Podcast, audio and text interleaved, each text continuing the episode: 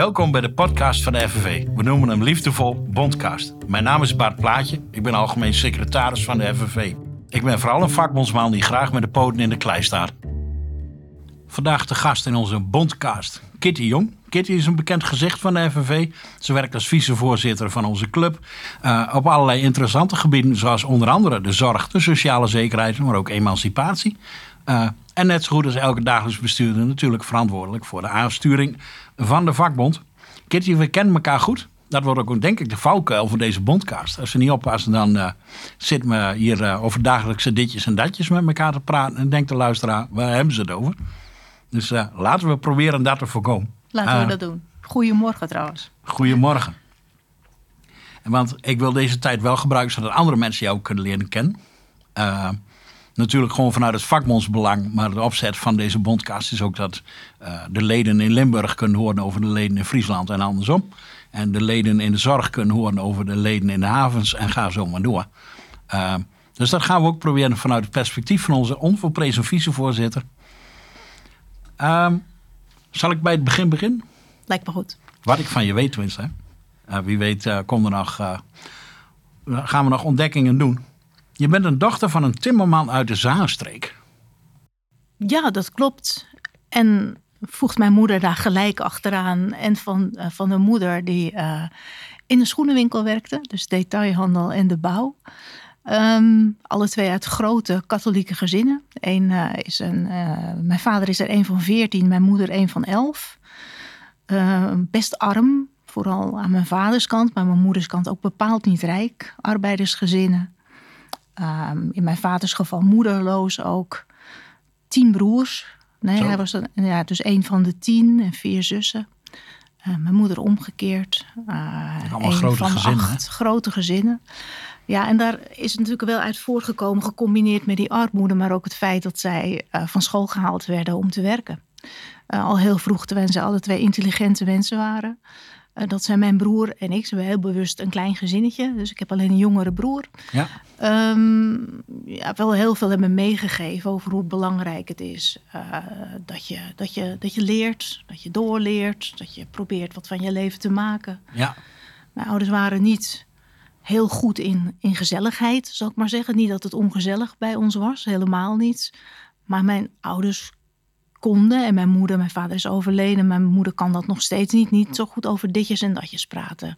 He, dus wij uh, uh, gaan gelijk over tot de politiek, de toestand in de wereld. Uh, Meteen van het aanpakken. absoluut. Dus dat heb ik daar, daar wel van meegekregen.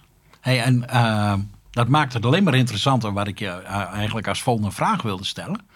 Want ik wist pas toen ik mij ging voorbereiden op deze podcast dat jij met Arabist. Ja, afgestudeerd, cum laude afgestudeerd uh, als Arabist. En dat heeft met mijn vader te maken. Mijn vader werkte in de bouw.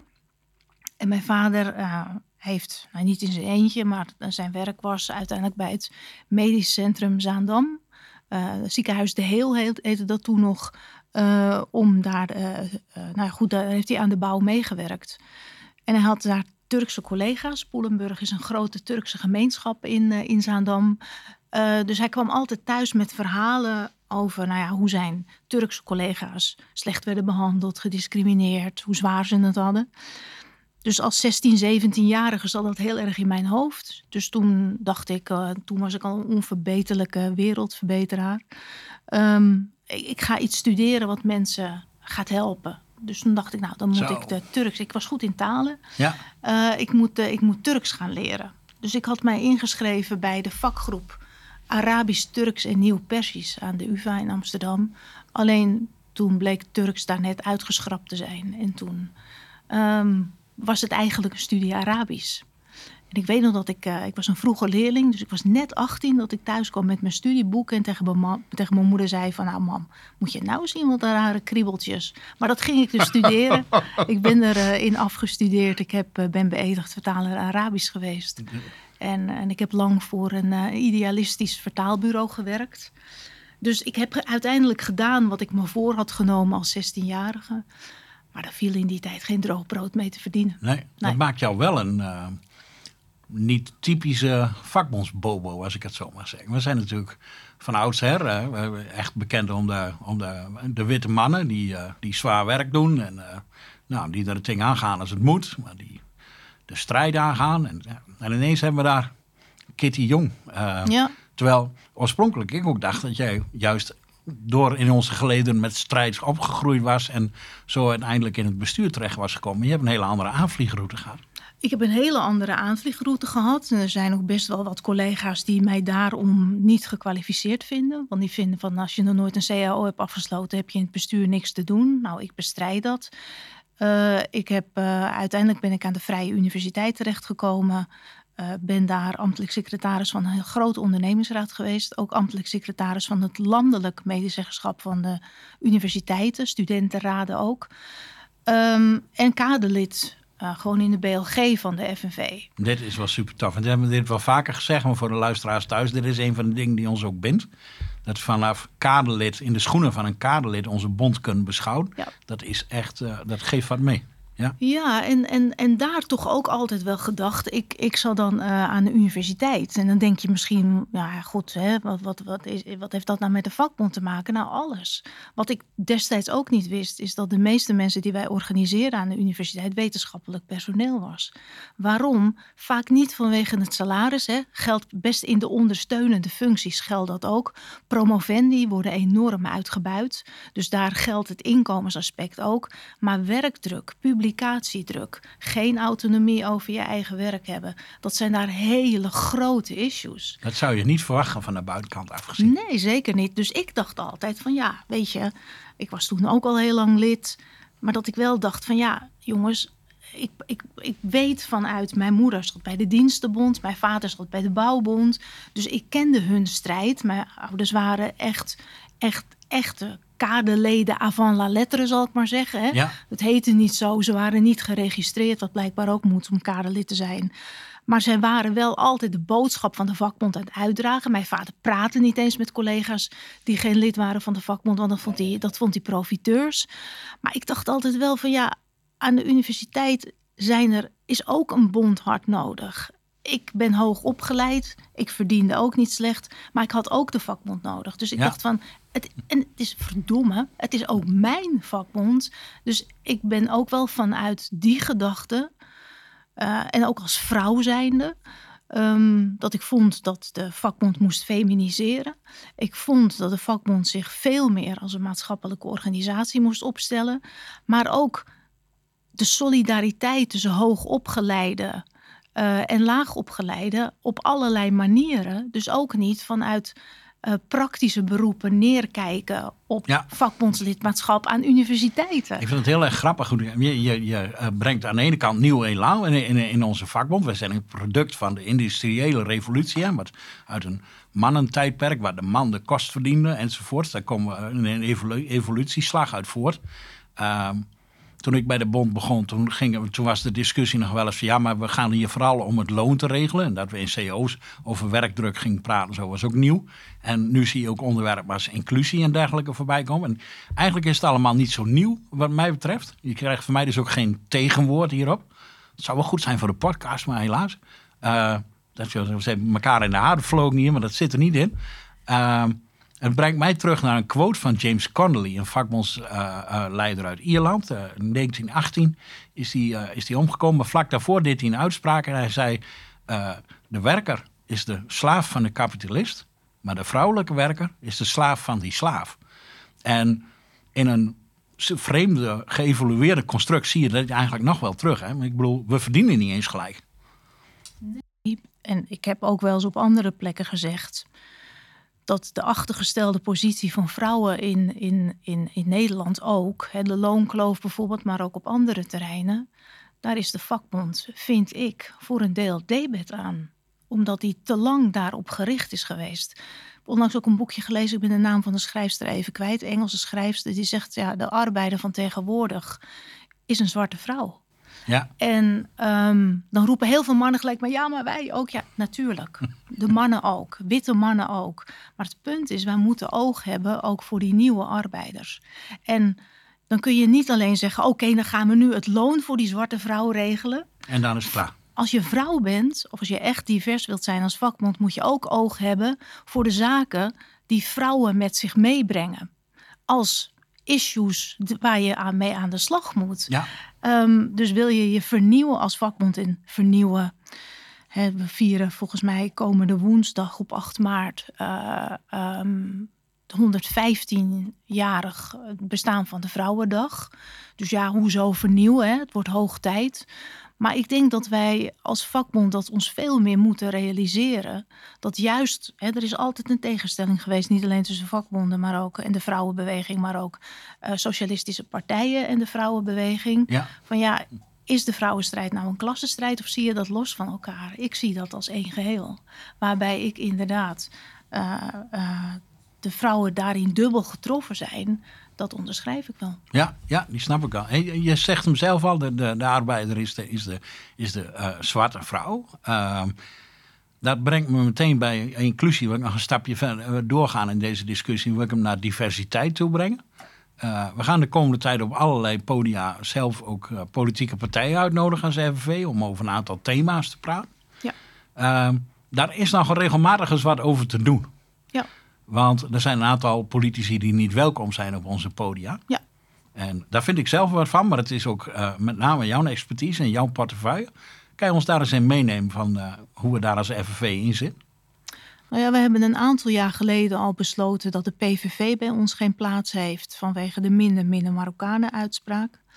Um, en dat is vorig jaar uitgebreid door gelukkig het ledenparlement. Daar ben ik heel erg blij om met Forum voor Democratie, omdat dat wat ons betreft een fascistische partij is die daar ook geen podium heeft. Ik ben daar onlangs, uh, mocht Tuur heeft uh, mogen spreken bij de dokwerker tijdens de februari-staking. Uh, hij heeft er hele goede uitspraken gedaan. Ik zat het uur daarvoor in de Stopera ja. en daar heb ik dit ook benoemd. En dat is niet alleen een kwestie van principes. Hè. Ik vind dat we als vakbond um, ons uit moeten spreken tegen fascisme, tegen racisme, tegen uitsluiting, tegen vrouwenhaat. Um, het criterium dat wij daarbij hanteren als FNV is ook uh, oproepen tot geweld of op, op, aanzetten tot haat. Ja. Dus dat, dat, dat is wel een belangrijk criterium. Um, maar ik heb het daar ook wel iets breder getrokken. Dat ik me ook wel zorgen maak over rechts, extreemrechtse partijen die misschien als zodanig niet herkend worden.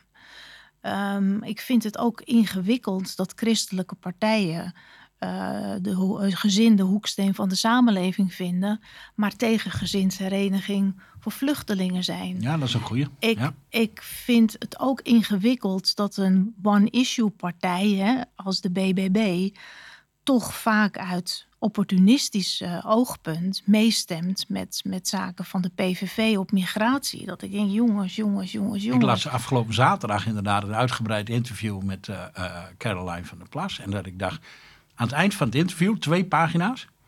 En ik denk, ja, ik, ze roept niet op tot geweld. En ze ontkent ook op alle tonen aan racisme en dergelijke.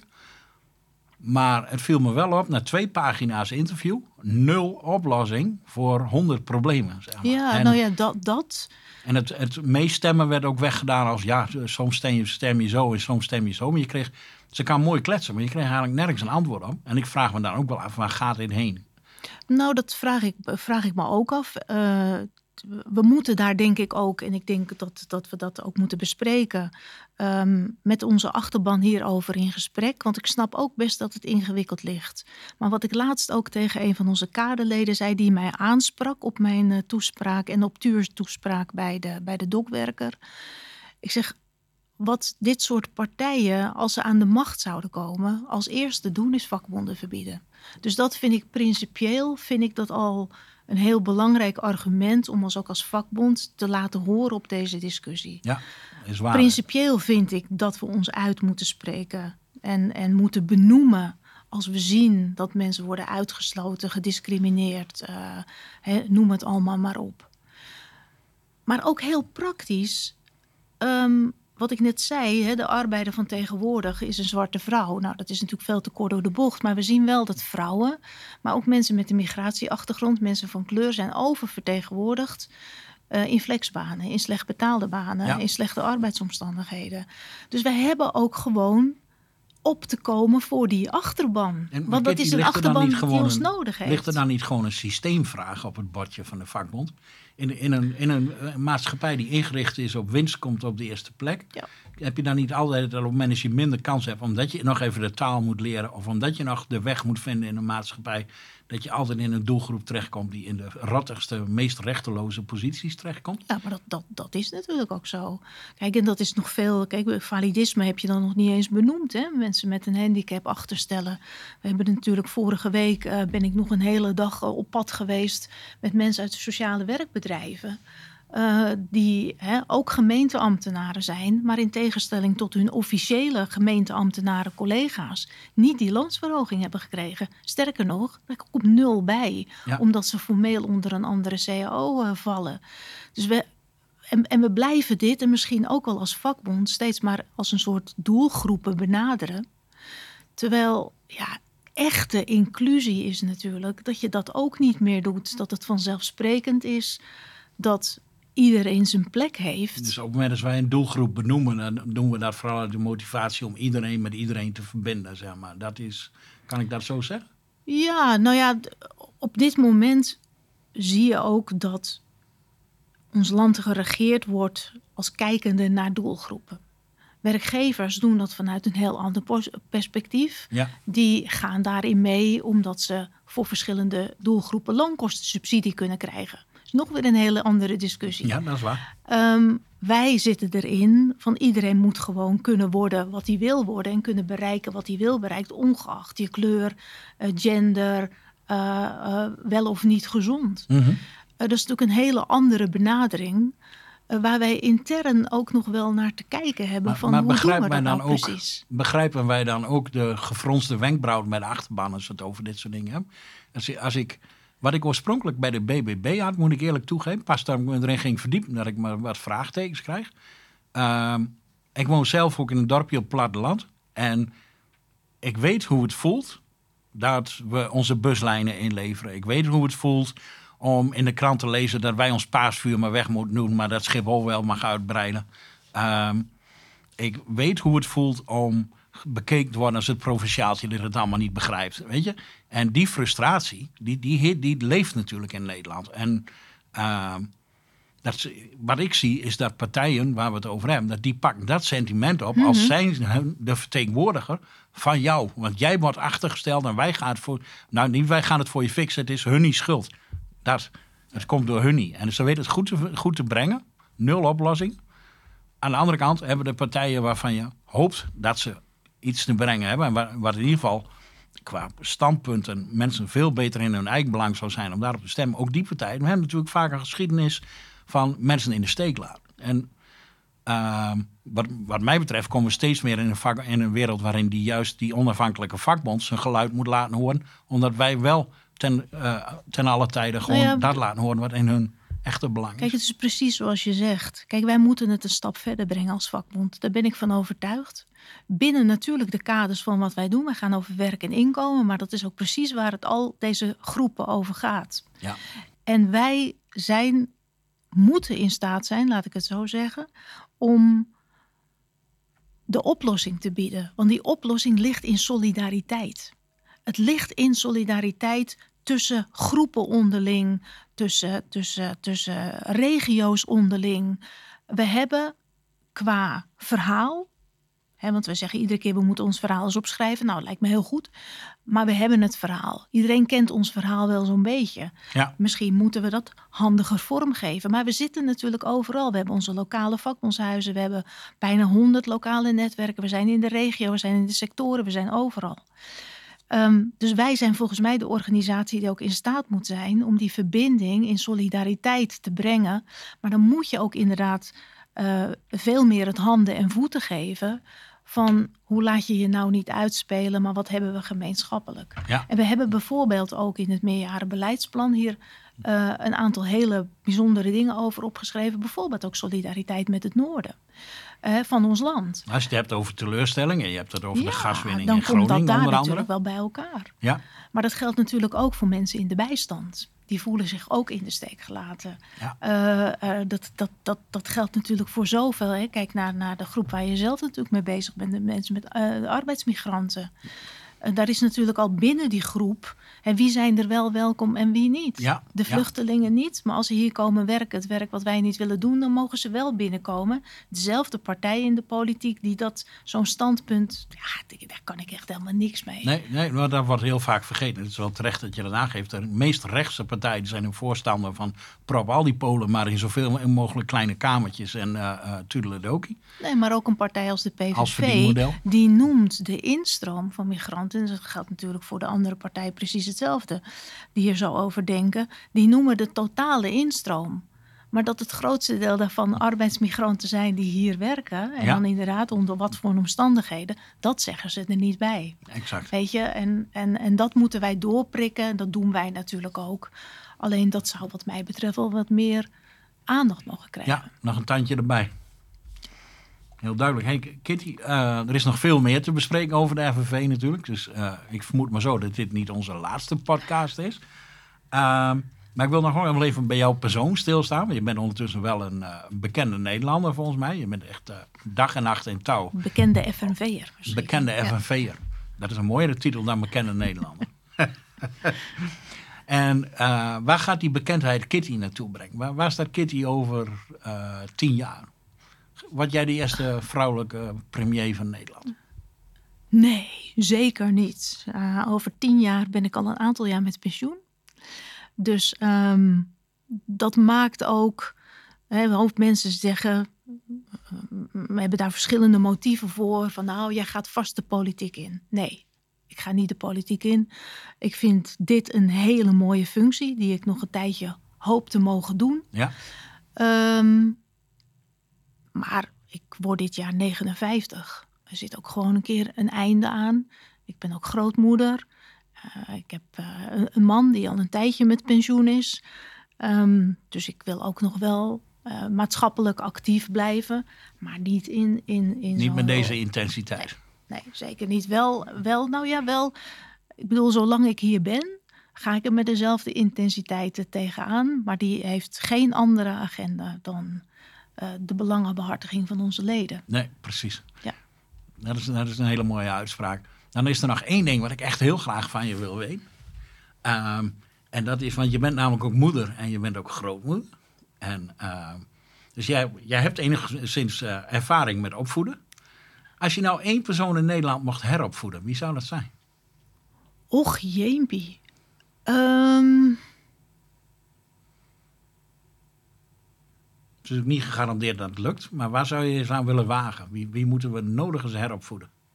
Ja, misschien moet dat dan toch Mark Rutte zijn. Ja, ja. Die, die zou ik wel eens willen, willen een tijdje onder mijn hoede willen nemen. Het is totaal naïef. Totaal naïef. Maar hij zit er al een tijd. Zijn invloed is groot. Ik zou hem wel eens gewoon een weekje met mij mee willen laten lopen de dilemma's die ik in de sociale zekerheid tegenkom, de dilemma's die ik met bijstandsgerechtigden tegenkom. Aanstaande uh, uh, uh, woensdag 8 maart is niet alleen Internationale Vrouwendag, maar is ook de uitspraak in het kort geding dat wij tegen de staat hebben aangespannen. Ja. Ik zou hem al die mensen voor wie wij dat proces voeren, dat kort geding hebben gevoerd, um, wel eens op onder de neus willen wrijven. Van, van kijk nou, kijk nou toch eens. Hij moet ertoe in staat zijn. En het is misschien naïef, want hij heeft gewoon een politieke kleur. Maar het is wel ontzettend. Ik, ik blijf dat moeilijk, zelfs op mijn leeftijd, moeilijk te accepteren vinden. Dat wij al twaalf jaar een premier hebben die zich maar premier voelt van zo'n klein deel van Nederland. En 20 procent, want de schattingen lopen uit één, maar tussen de 15 en 20 procent van de Nederlandse bevolking zit op of net boven of net onder de armoedegrens. Ja. ja het is een puinhoop na 12 jaar, Mark Rutte. Hij kan wel wat heropvoeding gebruiken. Hij kan zeker heropvoeding gebruiken. Maar wat ik vooral. En, en het is naïef. Maar goed, uh, het is ook misschien een naïeve vraag dat je iemand kunt eh, heropvoeden. Maar daar, daar, dat, dat ambitieniveau zou ik in ieder geval wel hebben. Om hem gewoon eens kennis te laten maken. En niet één keer in een gesprek, maar gewoon eens een tijdje. Loop maar eens een tijdje mee. Spreek maar eens al de mensen die ik spreek. Ik kom natuurlijk ook veel in het land. Veel oudere mensen, maar ook jonge mensen. Mensen met een uitkering. Mensen die langdurig ziek zijn. Mensen die naar een via-keuring moeten. Al die mensen waar wij zo ontzettend veel werk voor verrichten. Ook op individueel niveau. Ehm, waar hij geen weet van heeft. Hij is premier voor een heel klein deel van Nederland. Nou, ik heb niet de ambitie om premier te worden van de rest van Nederland. Ik vind dat hij dat moet zijn. Ja. En dat zou ik hem wel eens bij willen brengen. Ik vind dat wel een hele mooie. Dat is ook echt een, een, uh, dat je hem ook echt een waarde mee wil geven die zelfs voor hem wel goed zou zijn. Hè? Ik, moet er niet, ik zou me niet in zijn schoenen kunnen staan. Ik kan me niet eens voorstellen hoe het is om op zo'n manier altijd op afstand alles weglachen, wegstrategieën, wegtechnieken.